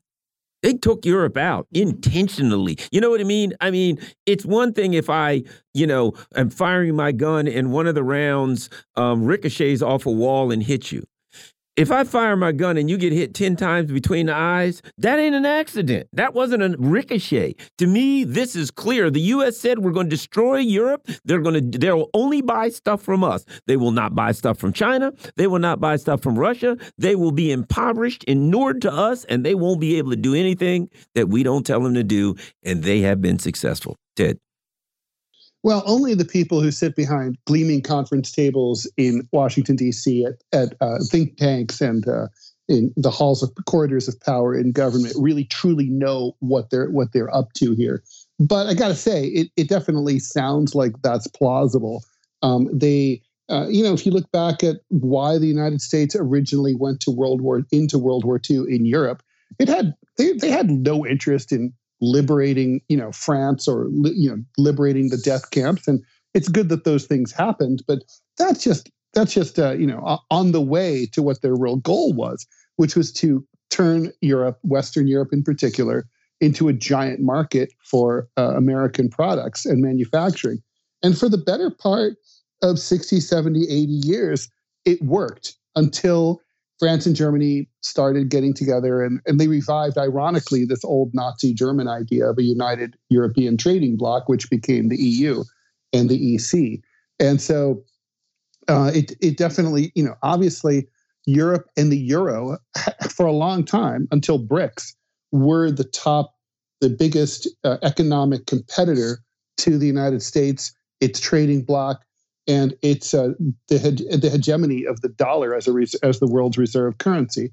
That is something that obviously the, the U.S. didn't like, and it is true. I had seen those same exact um, you know, saber rattling, uh, if you, for lack of a better word, um, about Europe about Europe becoming too dependent on Russian energy, and it's it's very clear that this was done as a pretext uh, to you know I don't believe for one minute that American policy policymakers ever wept for or cared about Ukraine. Uh, this was this was an opportunity for them to pressure Russia, pressure Europe, disrupt emerging economic alliances and trading blocs and anything that cuts the U.S. out is something that has to be stopped. And, and to your point, I think to support that point, the attack on Nord Stream, which was a gas pipeline um, to force Europe to buy U.S. gas,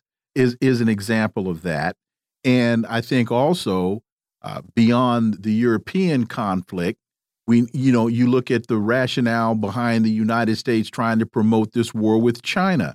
It's the same thing. It's no longer uh, you know to to protect the world against communism, even though that gets bantied about every now and then when it's convenient for them to do so. This is an economic fight.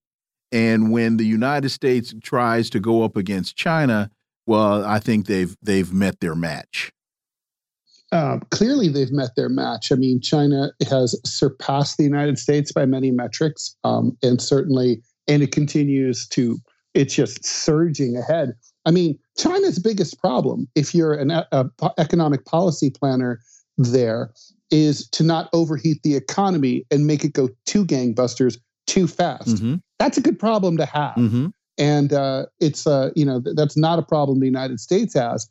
We are hollowed out you know, if Germany wants to know what they're going to look wait, like, wait a minute, wait, wait minute, wait, wait, wait a minute, Ted, real quick. To to that point, that that's a great problem to have, especially when you have the large population that that China has, and one of the successful elements of your economic plan is pulling people out of poverty. Then that is well, the problem you want to have. I'm sorry, Ted. Go ahead. Yeah, and not to mention they're you know they're renting influence through the Belt and Road Initiative all over the world. Um, you know they're exercising uh, soft power. I would and it's it's economic soft power. Mm -hmm. uh, no, it's it's extremely impressive. Um, and you know the U.S. What I mean, it's not that the U.S. doesn't have anything going for it, but a lot of its uh, certainly its economic power is legacy stuff.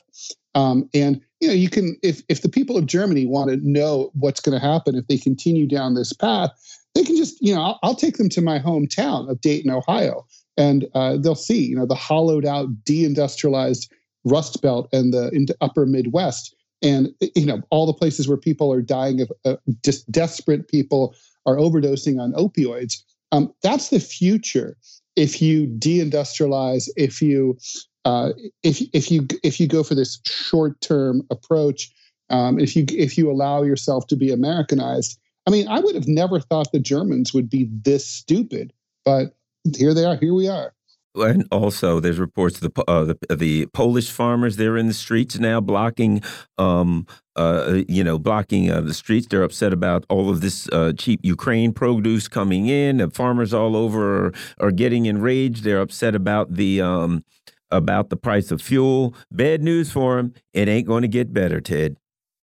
No, it's it's not going to get better, um, especially because OPEC Plus is uh, you know they're working they're working it too, and they're controlling um, they're controlling production, reducing production, and even though the U.S. is now a major exporter of oil due to fracking, um, it's you know it's still not going to change. I mean, you know, to to one of the points about the pipeline, the U.S. I mean, it's very interesting, right? Because like Nazi Germany invaded the Soviet Union primarily to get to access to oil because they were subject to an uh, Allied naval blockade at the beginning of in, in, the middle of World War II, and they were desperate. And they were like, maybe we can get the oil fields in the Soviet Union in Azerbaijan, um, and now effectively the U.S. has blockaded Europe, the EU, uh, by preventing. You know, here's a oil, here's a big gas pipeline.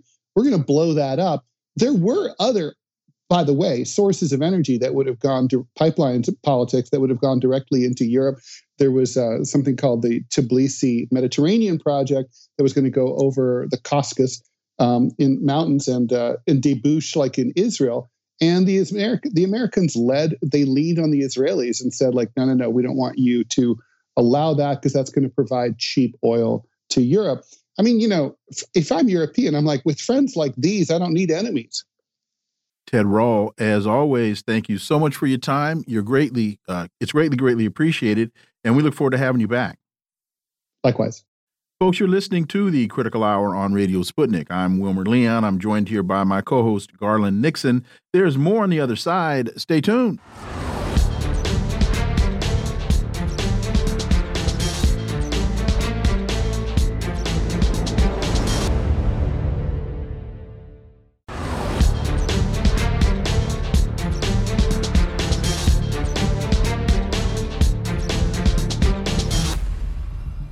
We are back, and you're listening to the Critical Hour on Radio Sputnik. I'm Wilmer Leon, joined here by my co host, Garland Nixon. Thank you, Wilmer.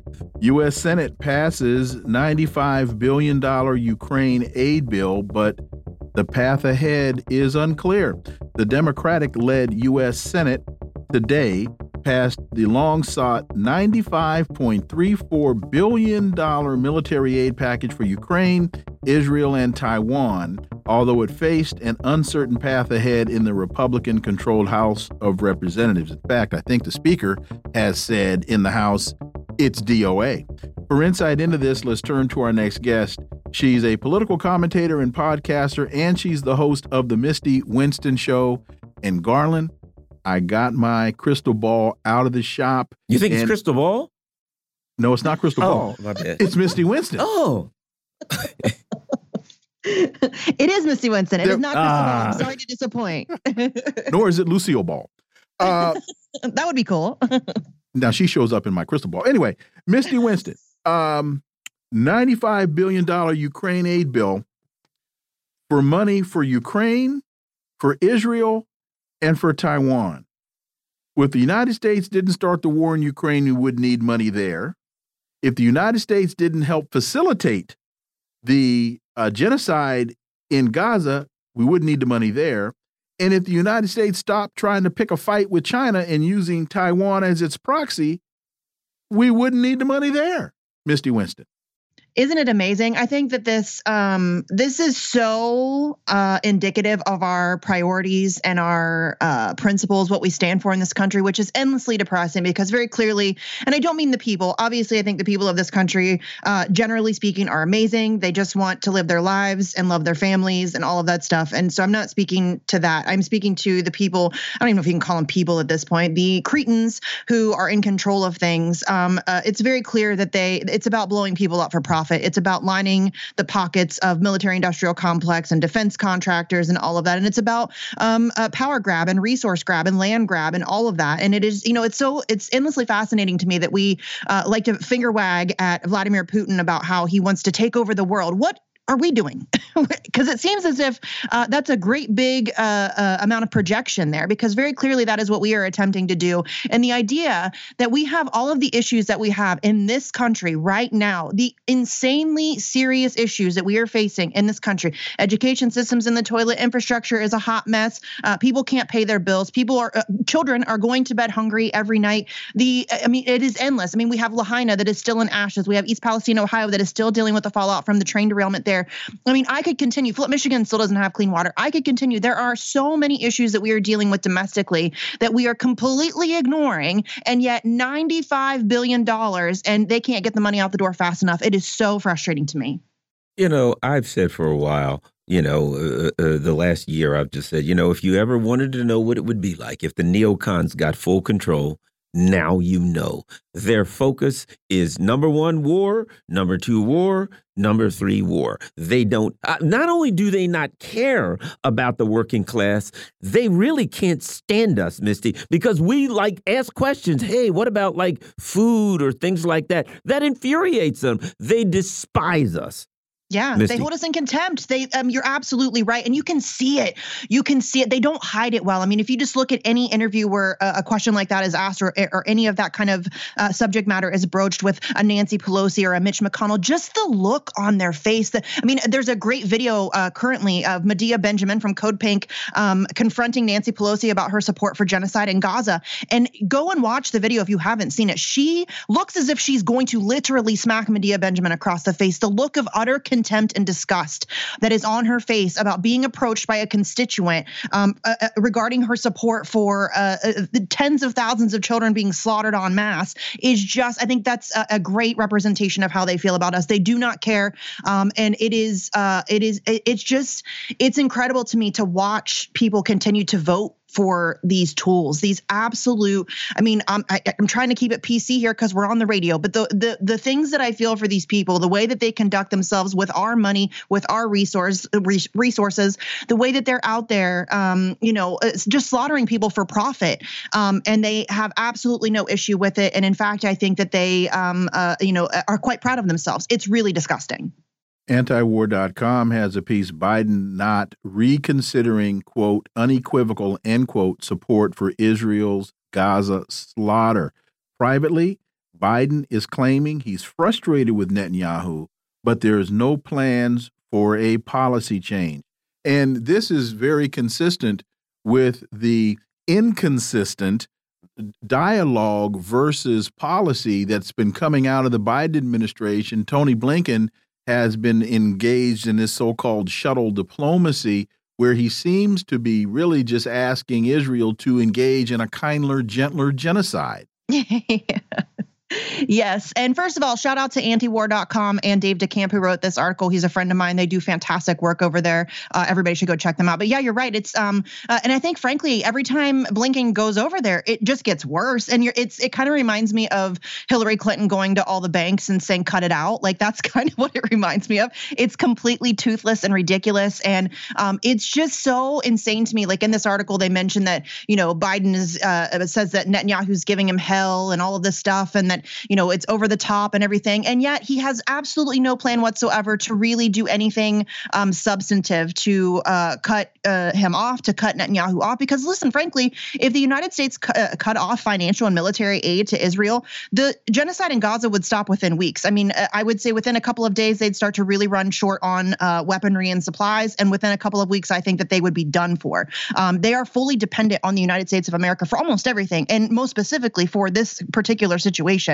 so, um, I, I mean, it's not surprising. Joe Biden is a proud Zionist. He said if Israel didn't exist, we would have to invent them. Uh, and, you know, you don't have to be Jewish to be a Zionist. He's a proud Catholic Zionist. I mean, he's gone on and on about his love for Zionism. So it's not surprising. Uh, and I think it's just uh, that's it's just who Biden is.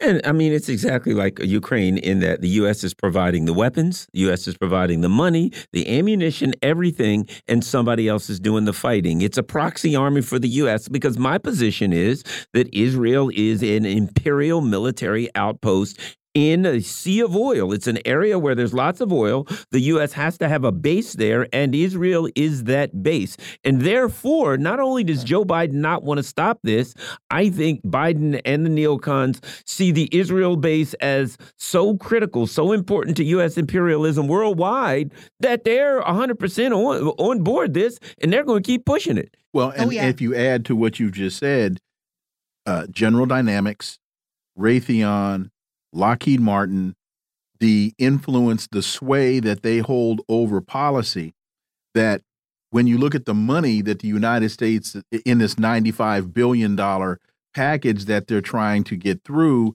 that's really just the money laundering scheme to send that money to the corporations and others that I mentioned. Yeah.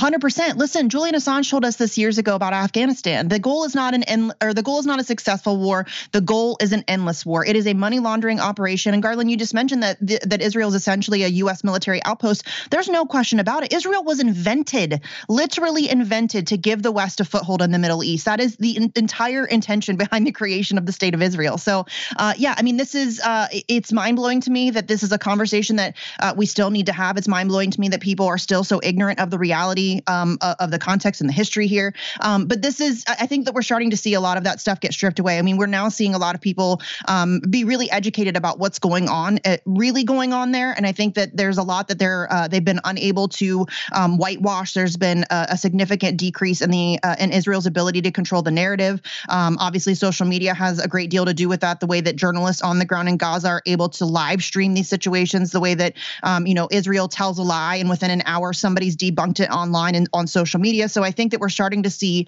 uh, that veil strip away. But I think that you're right. I think that the, you know the United States I think will do almost anything to secure Israel um, and greater Israel. We know that the intention here is for Israel to in fact expand. Um, so yeah, I think that the, I think that there is no question about it. We are willing to engage in a third world war, uh, another Middle East war with Iran and Syria and Lebanon and whoever else wants to get involved. I think there's no question that that is they will certainly go to those links if they feel they need to. And we have just about a minute and a half left. EU's Borrell says cut off arms to Israel. Uh, yesterday, the EU's top foreign policy official rebuked the U.S. president and other world leaders for decrying the loss of life in Gaza while also sending weapons to the Netanyahu government. Misty Winston. Yeah, the absolute hypocrisy. It is so mind blowing to me and um, uh, so frustrating to see somebody like Antony Blinken be like, oh, the other day he said that the United States is the largest contributor to aid to Palestine. My guy, you do not get to provide the bombs that are blowing children to bits and then send some bottled water and think that that just that calls it even. That's not how that works. You don't get to be the problem and then pretend to be the solution. Um, so yeah, I mean the, the endless hypocrisy, not just from the United States, but from the West in general. We're seeing it from a whole host of countries where they, you know, clutch their pearls and they pretend to care about the loss of civilian lives, but they do absolutely nothing to stop it. And in fact, they fan the flames of that violence. I think it's just so reprehensible. Well, every once once a week or so, Biden or one of these ghouls or Kirby or one of them will come out and say, we're talking with the Israeli government and we're telling them that they have to do everything that they can to avoid Palestinian innocent deaths. We feel that far too many, once a week they come out and say that, then another 10,000 people are killed that week. It's almost like pro forma kind of thing they got to do once a week. It's performance art. Yeah, exactly. Yeah. 30, 30 seconds, Misty. 100%. Like I said, it's Hillary Clinton's cut it out, guys. That's all it is. It's toothless. she went up to Wall Street and she told them to cut it out. And, oh, and they said, "Here's your check." What she didn't say was just say no. Oh, see, right. if she had said that, Misty, oh, it'd be over just by now. Just say now. no to profits. That's just, the game changer. There you go. There you go. Misty Winston, as always, thank you so much for so much for your time. Greatly, greatly appreciate it. We look forward to having you back. Anytime, fellas. Thanks a lot, folks. I got to tell you, uh, good day today, Garland. Oh yeah, good, good, good conversation. Good conversation. Uh, folks, you have been listening to the Critical Hour here on Radio Sputnik. We want to thank you for allowing our voices into your space. And on behalf of myself and my co host, Garland Nixon, we hope you were informed and enlightened. And we look forward to talking with you all right here tomorrow on Radio Sputnik. Be safe. Peace and blessings. We're out.